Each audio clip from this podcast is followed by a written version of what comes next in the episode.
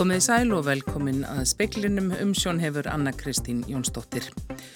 Forsætisra á þeirra segir að það séu vonbriða aftur hafi þurft að herða sótvarna aðgerið. Nýjar takmarkanir taka gildi á miðnætti og gilda næstu þrjár vikurnar. Áttak í bólusetningu gegn COVID-19 með örfunaskamtir að hefjast og rætt verðu við forstjóra livjastofnar um nýtt lifi COVID og bóluefni í speklinum. Þrátt fyrir hertar aðgerðir eru útlitt fyrir að jólatónleikar verði haldnir viðast hvar. Leiksýningar og menningaviðbyrju fall ekki niður en gestir þurfa að framvísa neikvæður hraðprófi. Það er ekki ljóst hvenar lofslagsráðstöfni Glasgow líkur en ráðgjert var að slít henni nú klukkan 6. Það verður ekki náðust saman um samkómulag ráðstöfnunar. Og nætur drikja smábarna og aukinn tortrygni foreldra í gagvart flúortankremi eru meðal þessum sérfræðingar í barnatanalkningum til að ógna tannhelsu ungra barna. Fórustumenn ríkistjórnarna segja að það hefur verið nöðsynlegt að herða samkomi takmarkanir vegna fjölgunar kórnveru smitta. Þau bynda voni við að með þriðja bólefnaskamtinum verði hægt að slaka á þeim á ný. Hertar samkomu takmarkanir taka gildi á miðnætti. 50 mega framvegis koma saman en 500 þar sem hraðbróa er krafist. Afgreyslu tími veitingastaða verður stittur um klukkustund Sundstaðir og líkamsræktastöðvar meg að taka á móti 75% af leifilegum hámarsfjölda. Aðgerðnar gilda í þrjár vikur eða til 8. desember. Í minnisbladi sótvarnalagnis er vísa til þess að vaksandi fjöldi smita hafi skapað mikið ála á landsbítalan og heilbreyðiskerfið í heild. Starfsemi rakningateimis séu uppnámi og farsóttarhús við það fyllast. Katrín Jakobsdóttir fósatissráþur að vonar að aðgerðnar skilja árangri með fækandi smitum. Það er auðvitað vonbreiði að við séum á þessum stað en um leið vil ég segja það líka þegar við skoðum bara þann árangur sem Ísland hefur náði í þessum efnum í því hvernig við höfum getað tekist á við faraldurinn sem byrtist auðvitað því að andlátt eru hér mun færri en í mörgum þeim löndum sem við berum okkur sama við að bólusetningar hlutfall er hátt og sömulegis er við núna með fyrraætlanir um þriðja skamt þar sem við erum að bóða e, á annað 100.000 manns í örfinarskamt hér fyrir áramót. Þá ætla ég að halda áfram að vera bjart sín Bjarni Benditsson fjármálaráþara segist þú vera hugsi við þessari stöðu. Ég ætla ekki að halda því fram að þessu oflant gengi ef að markmið er að slánuður fjölda smita. Hins vegar er maður auðvitað að hugsi yfir því sko að við erum að sigla inn í svipa ráðstafinni núna og við vorum að gera fyrir já, um það byrja árið síðan með óbólusetta þjóð, alveg. En nú erum við eh, með 90% bólusetta og aðgerðarna sem við þurfum í dag til þess að forða ofmiklu álægi á heilbríðskerfinu eru bara svipaðar. Var samstafa um þessar ákvörðin innan ríkistjóðaninnar?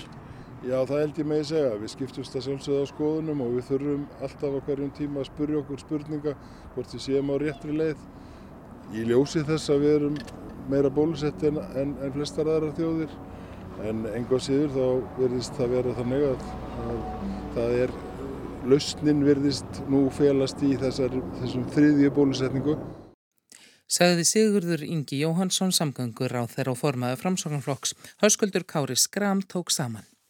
Þrátt fyrir hertar aðgerir þá verða haldnir sitjandi tónleikar á aðvendunni og í aðdraðanda jóla stóru leikúsin fara fram á að allir gestir framvísi neikvæðri niðurstöður hraðprófi. Sigurður Beintinsdóttir einn þeirra sem ætlar að halda jólatónleika. Hún segir minni hægt af því að mæta á skipulaða tónleika en að fara út í búð að versla það er alveg komið ljós og við getum haldið á í harpunni það því að harpan tekur, uh, getur skipt eldborgin í 300-500 manna hólf og það er leiði fyrir því. Þetta verður allt mjög örugt og, og öruglega örugur heldur en að fara til búð að verði í matinn, þannig að hérna, fólk gæti ekki verið þekkt við það. Borgarleikúsið, þjóðleikúsið og menningarfélag Akureyrar fara nú fram á að gestir framvísi neikvæður hraðprófi áður en þeir ganga í salin. Þó svo að sitjandi viðburahald sé mögulegt er aðra sögu að segja af standandi viðbörðum, segir Sigriður. Staðan er bara þannig að það er allt hrunni. Það voru óbúslega miklar og flottar bókanir komnar inn alveg fram á jólum og, og það er allt hrunni niður. All önnur starf sem er hjá mér, til dæmis bara hún er hrunin meir og minna. Það er örfára atbyrði sem standi eftir sko og, og það er náttúrulega skelvileg staða sko. Hún segist finna á gestum að fólk veigri sér við að mæta á sitjandi viðbörði.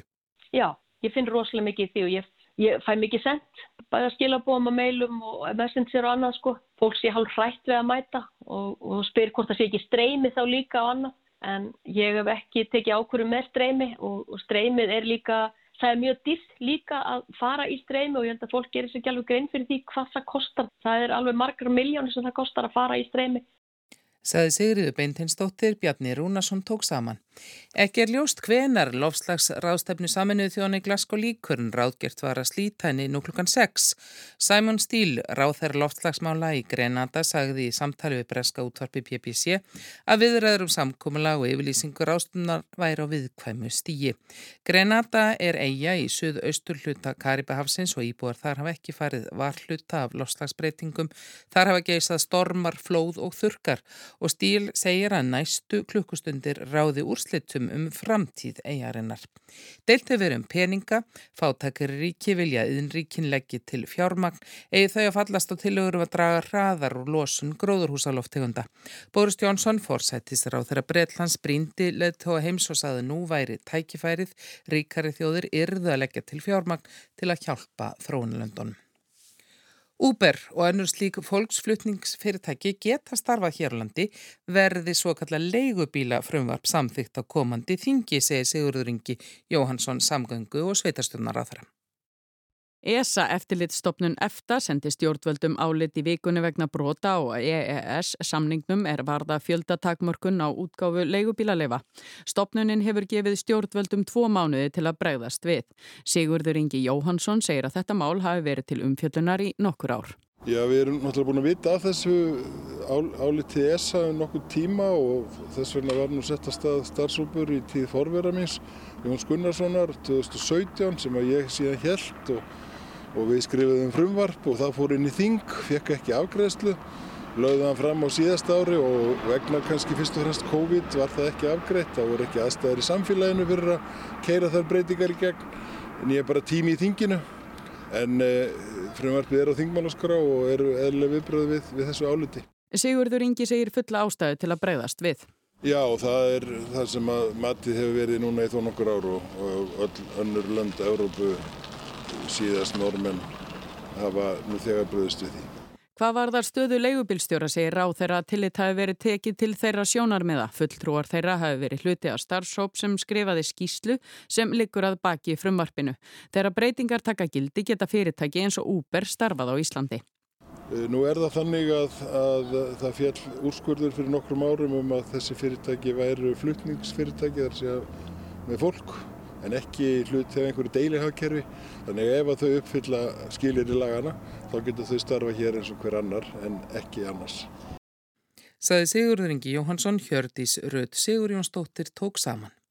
Hérastómur Reykjavíkur dæmdi í dag Arngrím Jóhansson og Sjófá til að greiða ekki og þremur börnum Artus Grants Vagstaf rúmar 9 miljónir króna í bætur vegna flugslis sem varð Vagstaf að bana.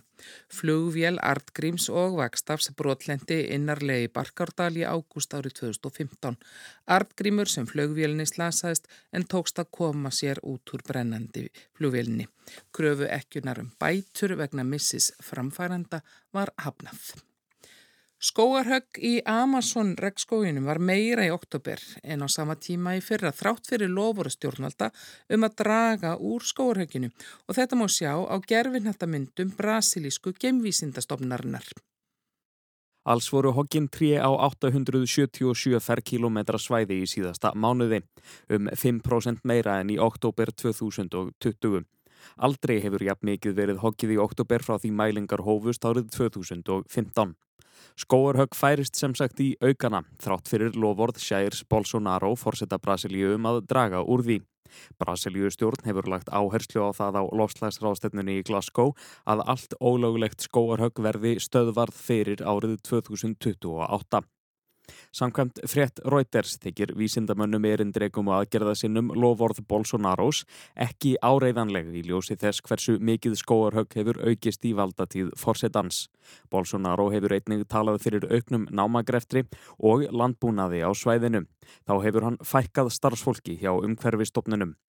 Anne Alenkar, yfirmaður hjá rannsóknarmiðstöðinni EPAM, segir við Reuters að yfirlýsingarnar einar og sér breyti ekki stöðinni. Heimurinn þekki afstöðu brasilískra stjórnvalda og þessi málflutningur sé því ekki trúverðugur. Gerfi natarmyndir síni stöðuna svart á kvítu. Þórgnýr Einar Albertsson sagði frá.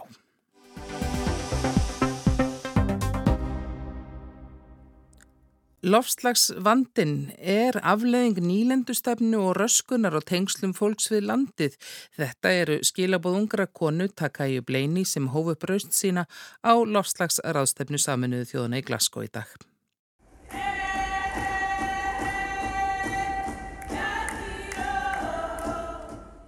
Bleini er 20 og tilherir Tla Amin þjóðfloknum í Kanada sem byggir söðu-vestur luta Bresku Kólumbíu.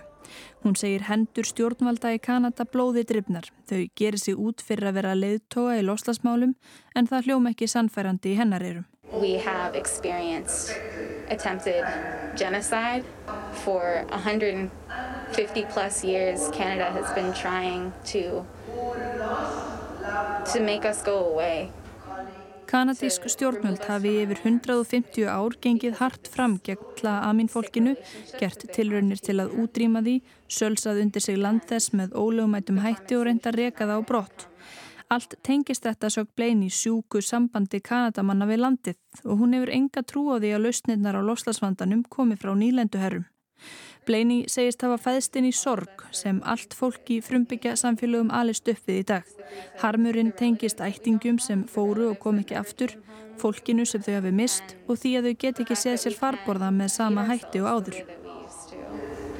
It's spiritual warfare to be removed from our lands and we're losing people um, because of that severed relationship.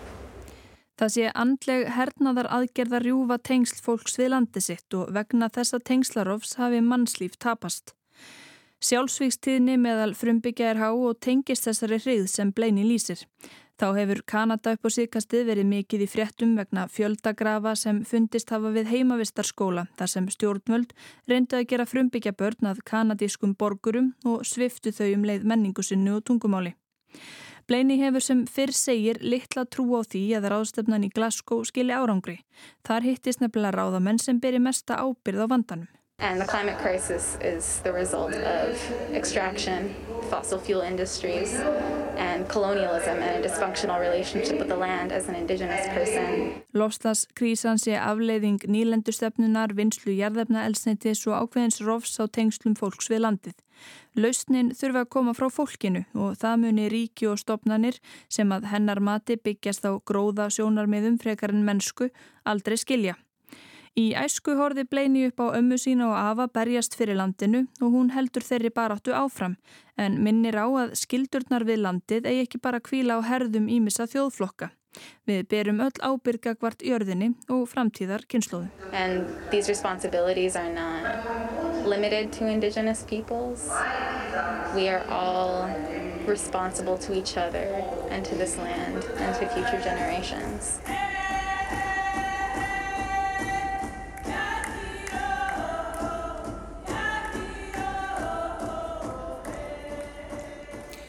Þetta hljómaði í Glasgow í dag þegar hún friðdagin í fríðansdóttir rætti við Takæju Bleini, Arnhildur Haldanadóttir tók saman.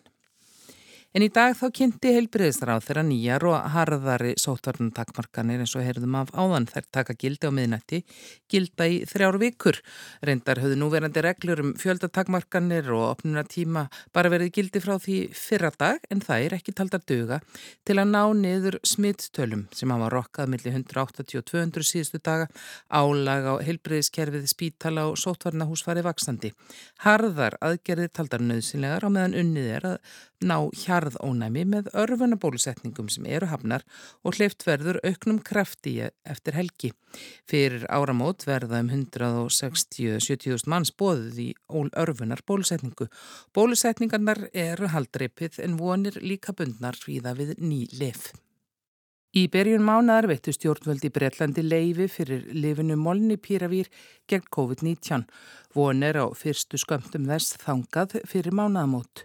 Mikla vonir eru bundnar við lifið, það jafnvel sagt valda vatnaskilum í baráttunum við kórunveru faraldurinn. Lifið er í töfluformi, intakan og geimslan auðveldari en fyrir viðkvæm bóluefni sem sumhver þarf að geima í þimbul kulda. Rúna Kvanberg Högstóttir, forstjóri Livjastofnar, segir að þetta nýja liv geti skipt miklu víða í heiminum. Og ég held að það sé kannski mikið vart að við horfum svolítið alltaf ekki bara okkur heldur líka aðra þjóðir og það hefur ekki gengið mjög vel að bólusetja í, í þessum þjóðum sem eiga handir högg að sækja eins og Indland og Afrikuríkin og slíkt. Bólefnin eru erfið í meðferðin nema kannski AstraZeneca bólefnið en náttúrulega leið og kannski koma töflur mun það breyta mjög miklu hjá þessum þjóðum. Það hamlar því að veiran fjölgi sér eftir að fólk smittast og dregur og líkum á erfiðum veikindum, sjúkrahúsinnlögn og frekara smitti. Európska lífastofnun er að skoða sérstaklega gögnin fyrir þetta lif bara í þessari viku. Það þýðir ekki að þetta, það sé að vera að gefa út markasleifi að lifið sé komið í áfangamat hjá Európsku lífastofnunni. En Európsku lífastofnun, sérfræðinganend Európsku lífastofnun, þar sem við erum með sérfræðinga líka, eru bara að fara yfir gögnin og það er til þess að geta stutt livjastofnuninnar í hennum mismöndulöndum að veita lifinu undan þáu til nótkunnar í viðkomandi landi ef það er talin þörf á og það er frambóða lifinu. Það er bara þannig sem við erum stödd. Rúna segir það komið til greina að veita undan þá hér á grundvelli leifis í þriðjalandi eins og komið er þá í Breitlandi. En það sé þó smitt sjúkdómalækna á landsbítalarnum háskólasjókrahúsi að meta hvort þörf sé hér á að nota þetta lif og þeirra þá að sækja um undan þá til livjastofnunar. Síðan er það alltaf bara setni hlutin af þessari vísu að það er getur við fengið lifið og hvenar fæsta til landsins og ég, þá breytanum séu búin að veita leifi þá eru þeir ekki búin að fá það í nótkunni, þeir gera ráð fyrir að þeir fáið það annarkvort í lók þessa mánuðar eða byrjun desember og ég hef svo sem ekkert upplýsingar um það hvort að þetta lif verði hér á landi eða þá hvenar. Þetta er frekar klassist en nýtt veirulif, segir Rúna. Það kemur í vekk fyrir það að veiran dreifir sér og það, þess vegna er bara mjög mikilvægt að taka það snemma í ferlinum eins og er bara með Tamiflu þegar var verið að nota það og, og önnur svona veirulif og uh, þau koma í vekk fyrir það. Og þetta lif hefur sínt það í klímisku rannsóknum að það mingar áhættina á því að sjúklingar veikist eh, alvarlega. Og þá náttúrulega eru minni líkur á sjúkurásvist og, og náttúrulega andláti og tilkoma þessa nýja livs telst tölvertíðindi þó ekki sé hægt að sjá endanlega fyrir hvernig það reynist. Þetta er hugsað bara þegar þú fann að erst komið annarkvæmt enginni eða, eða greiningu og þetta taka einstaklingar heima en ég minna þetta eru náttúrulega stúdjur upp á einhverja, einhverja stúdstu sjúklinga en enga veginn, ég hef stóra stúdjur til dæmis eins og lág út í grundu allar bólefnunum þegar þau fengu skráningu en En ef þetta er náttúrulega talið vanlegt þá er hægt að veita þessar undanþáur og það er mjög mikilvægt að því sé haldið til það að undanþáa er undanþáa. Hún er ekki markasleiði og þá er mjög vel haldið utanum það. Eftir helgi fer af stað hér áttak með þriðja skamt bóluefna við COVID-19. Þetta er annars vegar það sem að kalla viðbútaskamtar og hins vegar örfunaskamtar. Við sjáum ekkert alveg hvort er hvað þannig séð okkur sínist að það sé eitthvað 67.000 manns sem hafi fengið þetta hjælendis og við höfum séð um 77 aukaverkanir. Við erum ekki að sjá, höfum ekki séð neitt mjög mikið en þetta er náttúrulega að fara á stað hjá okkur og við gerum ráð fyrir svo sem að þetta verða ekkit öðrum sem mynd heldur í, í fyrir bólusum. Og Rúna segir það mjög mikilvægt að fólk láti vita finni það fyrir aukaverkunum. Það sem við höfum náttúrulega séð er að fólk hefur verið mjög duglegt að tilkynna aukaverkanum. Það er bara mjög mikilvægt því að það hefur náttúrulega aldrei kannski verið gefið eins mörgum einstaklingum svona nokkur veginn sama, sama lífið á mjög stuttum tíma og það er alveg einstakt og það er mjög mikið að tilkynna aukaverkani. Við sjáum þá aukaverkana tilkynningunum okkar og við erum komið með 5500 aukaverkana tilkynningar en bara 228 alvarlegar að þetta er stór hluti almenningur eða aðstandendur. Fólk er að taka mjög við sér og við bara fagnum því það því það að fólk uh, uh, vill tilkynna og það hefur líka fundið leið til þess að tilkynna. Svo það segir okkur líka það að það er ætti að vera til dæla einfalt að tilkynna. Og nóg er til af bólefni í landinu frá Moderna og Pfizer sem að nota á í áttakinu næstu vikurnar og bólusetja um 170.000 manns. Það eru 16 ár frá því að síðast var gerð stór rannsókn á tannhelsu Íslendinga og tíðni ímissa kvilla og hann gerði árið 2005. Nýgögn benda til þess að minna sé um tannskemdir hjá börnum eftir að greiðslu þáttaka var aukinn fyrir 8 árum en tannlagnar hafa áhyggjur af því að glerungseyðing sé vaksandi vandamál og telja laungu tímabært að gera nýja rannsókn.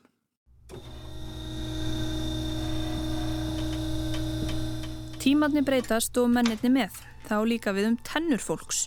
Tannvandamál og þar með verkefni tannlækna eru oft ólík eftir því af hvaða kynnslóð manneskjan sem sest í stólinn er. Það er kynnslóðin sem fekk falskari fermingagjöf, amalgam kynnslóðin með allar sínar viðgerðir og oft gert við stærra svæði en var skemmt í forvarnaskinni. Í kringum 1980 kom flúor kynnslóðin sem fekk meiri fræðslu um tannvend en þar fyrri, brutti flúor töblur en drakk líka djúsþykni við þorsta og nú er það svo kannski orkudrykja kynnslóðin sem er tekin við. En hvernig hefur tannhilsan þróast? Er hún betri en hún var eða fer hún versnandi? Hvað ógnar henni helst. Í þessum fyrri pisti speilsins um tannhelsu beinum við sjónum að börnum og unglingum. En fyrst örstuðt ágrip af tannhelsu sögu Íslandinga í bóði Sigurðar Rúnars Sæmundssonar, barnatannlæknis á tannlæknastofunni Líu.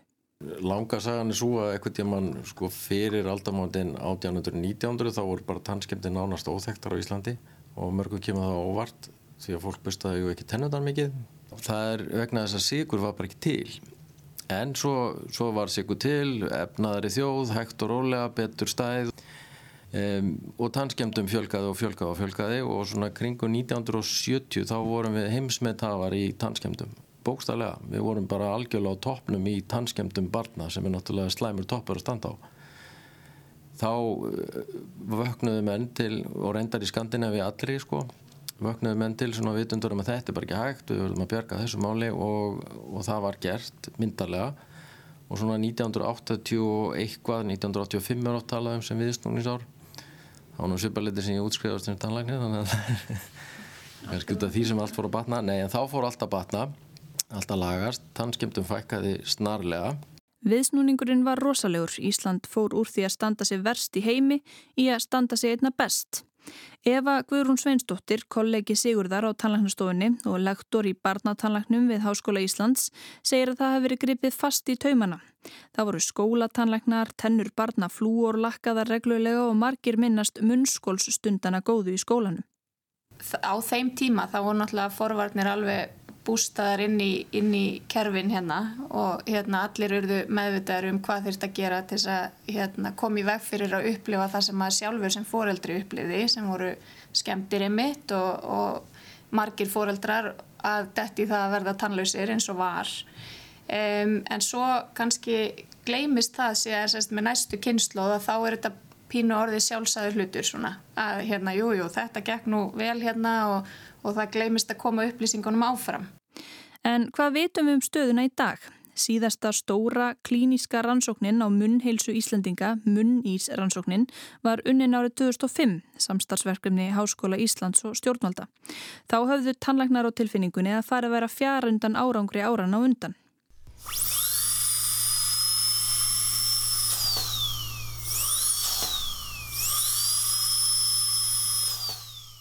Meðal niðurstanna var að 12 ára börn á Íslandi voru með tvöfalt fleiri skemdir en jafnaldrar í Svíþjóð, rúmlega tvær skemdar fullorins-tennur og þriðjungur 15 ára unglinga var með glerungseyðingu í einhverju tönn. Frá 2015 er heil kynsloð barna vaksin úr grasi og ekkert bólar á nýri landsrannsókn. Embætti landlæknis vinnur þó að því að setja upp mælaborð tannheilsu. Þetta er ekki stór rannsókn eins og munnís en byggt á gögnum frá sjúkartryngum og raungögnum um hólufyllingar sem að tannlæknar við um landskrá sjálfur. Það er, eru alveg um, góðar vísbendingar um batnandi tannheilsu barna og líka heilt yfir betra aðgengi að tannlækna þjónustunni segir Hólmfríður Guðmundsdóttir tannlagnir hjá landlagninsambættinu. Þeir tannlagnar sem speilin hefur rætt við tengja þetta því að árið 2013 var farða niðurgreiða tannlagningar barna nánasta fullu. Í gegnum tíðina hafi verið skýrfylgni millir tannhelsu og greiðslu þáttöku hins opinbyrra. Óbyrt gögn landlagnisembættisins benda til þess að dreyið hafa úr tannskemdum hjá börnum.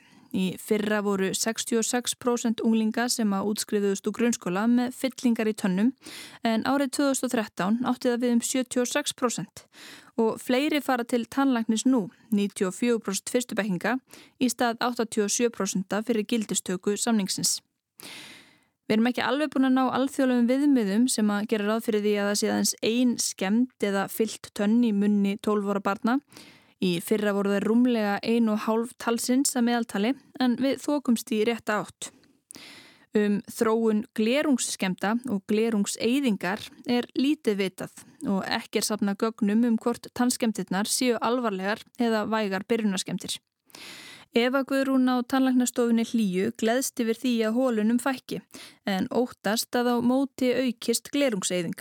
Á Norðurlöndunum sé hún vaksandi vandi. Sem að fylgir þá þessum góðstrykkjum og orkudrykkjum og, og þannig að það, við sjáum það í ákveðnum hópum, sérstaklega svona unglingar og ungt fólk. Það sem að glerungseyðing er að verða stærra vandamál en það var áður og það er fleira sem bæði Evu og Sigurði finnst vera þróast til verri vegar. Þau eru sérfræðingar, fá tilvísanir og sjá eðlilega alvarlegustu tilfellin en þeim finnst þau oftar en áður fá til sín ung börn með mikið skemdar tennur. Stundum er ástandið svo slæmt að það þarf að svæfa þau og gera við nánast hverja einustu tönn. Þannig að það er bara stórt áhyggjöfni og við, við þurfum aðeins að kafa betur ofin í þau mál tveggja og þryggjára börn sem er náttúrulega allt of snemma og yngri en það með þessi stundum. Það eiga bara ekki verið með tannskjendir, það er bara ekki líðandi í svona flottu þjóðfélagi eins og við viljum hafa það. Eva telur til nokkrar hugsanlegar ástæður þessara þróunar, til dæmis aukna andstöðu foreldra við flúornótkun. Fleiri velji flúorlaust tannkrem sem vernd ekki tennurnar. Á netinu sé mikið um misvísandi upplýsingar og því jafnvel haldið fram að flúor setjist í taugan hnóð og geti valdið einhverfu eða háti. Við búum á eldfjallægi og vitum að flúor er hættulegt í miklu magni en Eva hefur ekki áhyggjur af því þó að börn kingi stundum smá tankremi. Það er ekki til neina rannsóknir sem að sína staðfastlega fram á skaðsemi flúor þó að það maður innbyrði eitthvað magna á honum svona í tannvendarmagni. Þannig að ef við tökum flúor út úr þessum forvörnum sem við erum að nota dagstaglega að þá átomatist að þá hækkar verulega tannáttu áhætta, tannskemta áhættu barnana. Hún nefnir líka meiri áherslu á brjóstakjöf en áður. Börn séu höfð lengur á brjósti og stundum leift að drekka eins og þau vilja á nóttunni. Mjölkursikurinn liggi þá utan á tönnunum tímunum saman. Börn sem eru mjög mikið á brjósti á nóttunni sérstaklega að þau eru í tölverst meiri áhættu heldur en önnu börn á að fá tannskemdir og ég tala nú ekki um ef þetta tvent kemur saman að þú, það er ekkert flúorinn í myndinni og líka þessi mikla brjóstakjöf á nóttunni sérstaklega. Þannig ég held að það sé kannski þetta tvent sem er svona um, aðal þættinni sem við sjáum. Eva og Sigurður segja lungu tímabært að gera nýja landsrannsókn svipaða þeirri sem var gerðar á 2005 til að fá yfirliti við stöðuna almennt. Hónfríður hjá landlæknisembættinu horfir til þess að tannlæknadeilt Háskóla Íslands leiði það verkefni en segir að líklega strandi þetta miklu leiti á fjármagni. Þetta er mjög kostnarsamt og það er spurning hver hérna leggur fram fjármagn líka. Inga B. Árnadóttir, professor við Tannlæknadeilt Háskóla Íslands, segir að háskólinn hafi ítrekkað sótt um að gera faraldsfræðilega rannsóknir á tannheilsu barna og unglinga og sérstaklega eftir að nýr samningur um nær fulla greiðsluþáttöku tók gildari 2013. En háskólinn hafi ekki fengið fjármagn til þess. Rannsóknir hafi raunar verið í frosti í 15 ár. Hún segir að hugsanlega gjaldi deildin þess að heyra bæði undir mentamála og heilbriðisráðuniti og hvorugt vilji láta fyrir af hendi rakna. Ykkur tíman sagðum við á 5 ára fresti en svo þegar það voru liðin 10 ár þá sagðum við að minnst okkar stið 10 ára fresti en núna liðin, liðin 15 ár. Og það er bara nöðsilegt að gera svona rannsóknir reglulega til þess að fylgjast með hvert málin er að stefna. Sagði Eva Guðrún Sveinsdóttir, Arnildur Haldanadóttir rætti við hanna, Sigurður Rúnar Sæmundsson og Holmfríði Guðmundsdóttur. Það verður austan og sögustan átt 3 til 10 kvöld, 10 til 15 siðst, dáli til jél á austfjörðum og með suðuströndinni annars þurrt, vaksandi sögustan átt á morgun, kvassviður eða stormur með talsverðri regningu um og eftir hádegi en þurrtamest um landið norðaustanvert og veður fer hlínandi hitti við að 5 til 10 stig. Fleiri ekki speklum í kvöld og þessa vikuna tæknimaður var Martin Martinsson veriði sæl.